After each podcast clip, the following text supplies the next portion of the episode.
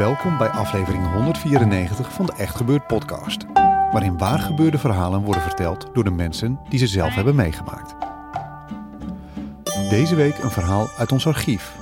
Niels Roelen vertelde het in 2012 tijdens een verhalenmiddag rond het thema Thuiskomen.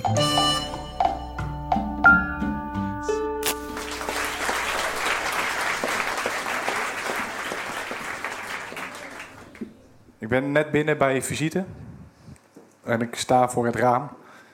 En in de keuken hoor ik de visite zeggen: Wat is die mager geworden? Ik doe alsof ik het niet hoor en ik kijk naar buiten. En in de tuin zie ik verlaten kinderspeelgoed. Het ligt daar alsof kinderen het achtergelaten hebben, gevlucht voor een gevecht wat elk moment uit kan breken. Ik voel dat mijn hartslag omhoog gaat, maar aan de buitenkant probeer ik kalm te blijven. En zoek ik in mijn omgeving naar alles wat mij vertelt dat ik niet meer in Afghanistan maar dat ik gewoon thuis ben. Ik kijk naar de huizen die er hier anders uitzien. Naar de lucht. Maar ook naar het dunne laagje sneeuw wat hier op de, op de grond ligt. Koffie, hoor ik iemand naast me zeggen. Wil je koffie? Ik durf niet echt te kijken naar waar de koffie geserveerd wordt, want voor je het weet gebeurt er iets. Dus zonder te kijken pak ik vanaf de zijkant pak ik de koffie aan en blijf ik staren. Goed dat je er weer bent, man. Ik probeer op de bank te gaan zitten en te doen alsof er niks aan de hand is. Ik voel de hand van mijn vrouw voel ik op mijn been alsof ze me wil geruststellen.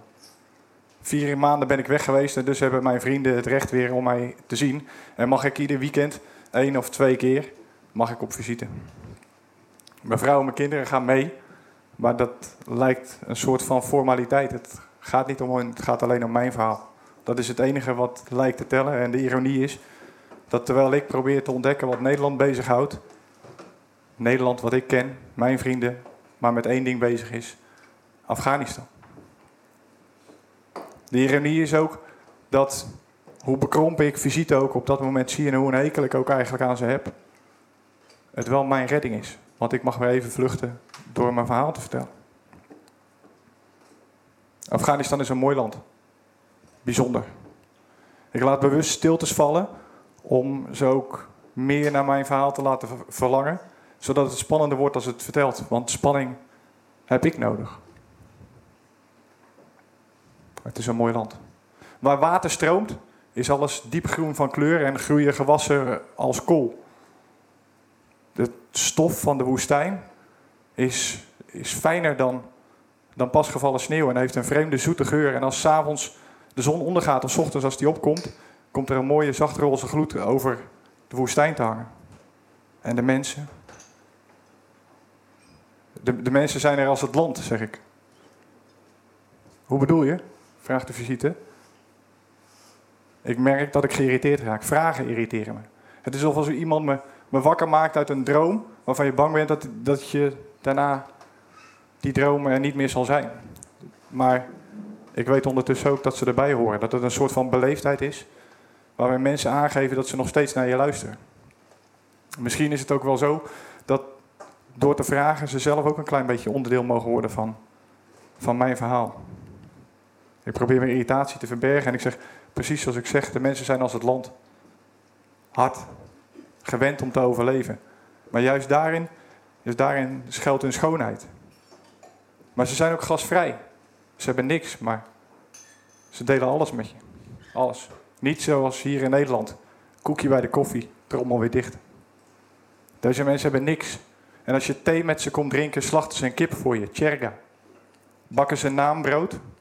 En eten we watermeloenen die ongeveer zo groot waren als vliegtuigbommen en zoet als suiker. En de Taliban? De Taliban? De Taliban zijn gewone mensen, net als jij en ik.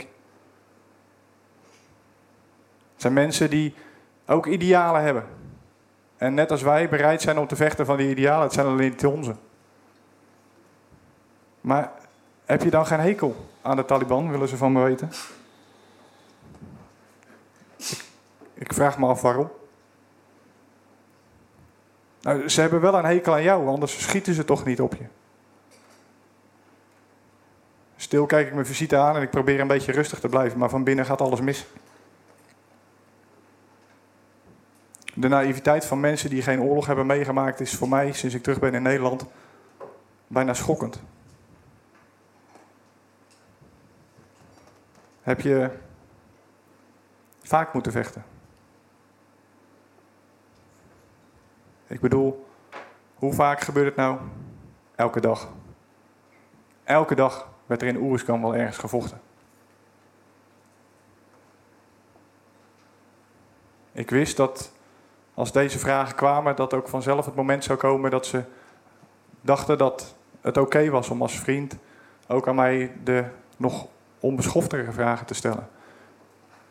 En hoe vervelend ook, ik wilde ook dat ze hem stelden.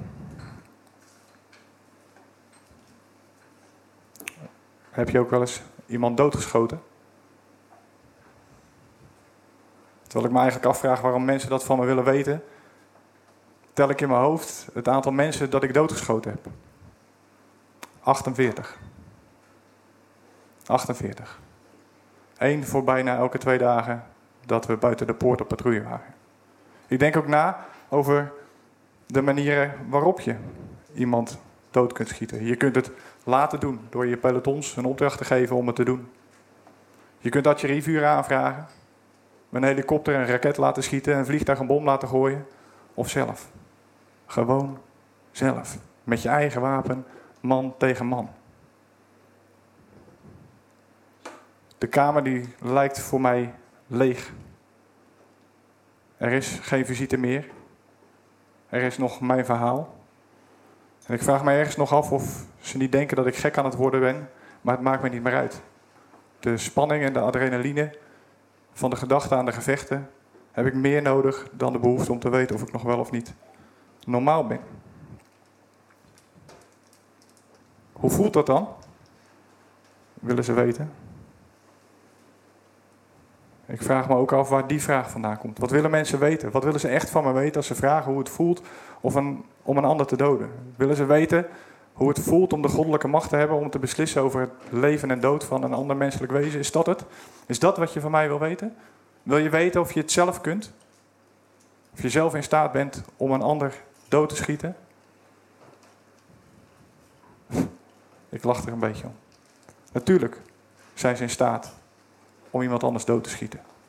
Alleen wordt dat hier in Nederland niet als sociaal wenselijk gezien. En dus doen we net alsof, het, alsof we het ons niet voor kunnen stellen. Hoe voelt het om iemand dood te schieten? Als werk. Het voelt gewoon als werk, zeg ik tegen de visite. Als een zakelijke transactie tussen twee partijen. Zij schiet op jou en jij schiet terug.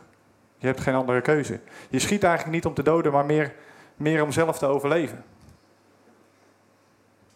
Wat ergens raar is, besef ik me ook wel. Want ik schoot wel degelijk om te doden. Dode tegenstanders schieten niet terug en dus biedt niet zoveel kans om te overleven als het doodschieten van je tegenstander. Ik kijk naar buiten en ik zie dat de kinderen bezig zijn om een sneeuwpop te maken. De visite kijkt me een soort van in shock aan. En ik vraag me af waarom wij van de politiek niet gewoon mogen vertellen wat we daar deden. Waarom we niet trots mochten zijn op ons werk. Waarom we altijd maar moeten zeggen dat we er alles aan hebben gedaan om te voorkomen dat er gebeurde wat daar gebeurde. Dat we medelijden of empathie hadden met onze tegenstanders. Ik heb het niet gehad. Doden of gedood worden. Dat waren voor ons de keuzes. De Taliban wist ook waar ze aan begonnen toen ze op ons schoten. Na elke visite voelde ik me leeg. Nederland was voor mij een leugen. De politiek, oorlog, door de politiek verzonnen. Oorlog was voor mij de porno van de politiek en de soldaten hoe die zijn lichaam ervoor. En ik? Ik had maar één waarheid. Ik wilde de beste en meest begeerde hoer van allemaal worden.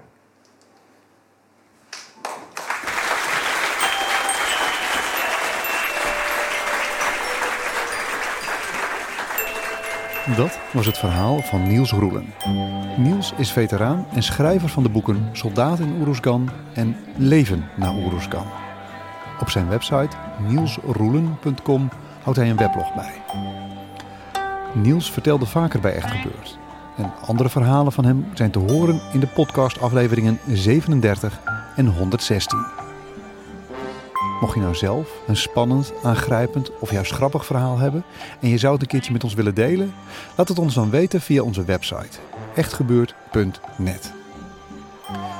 De redactie van Echt Gebeurd bestaat uit Rosa van Toledo, Micha Wertheim, Paulien Cornelissen en mezelf, Maarten Westerveen. Productie Eva Zwaving, zaaltechniek Nicolaas Vrijman en de podcast is in handen van Gijsbert van der Wal. Dit was aflevering 194. Tot volgende week. En vergeet niet, als je een veteraan over de vloer hebt en je wil hem een vraag stellen over zijn werk, bedenk dan of je het antwoord echt wil horen.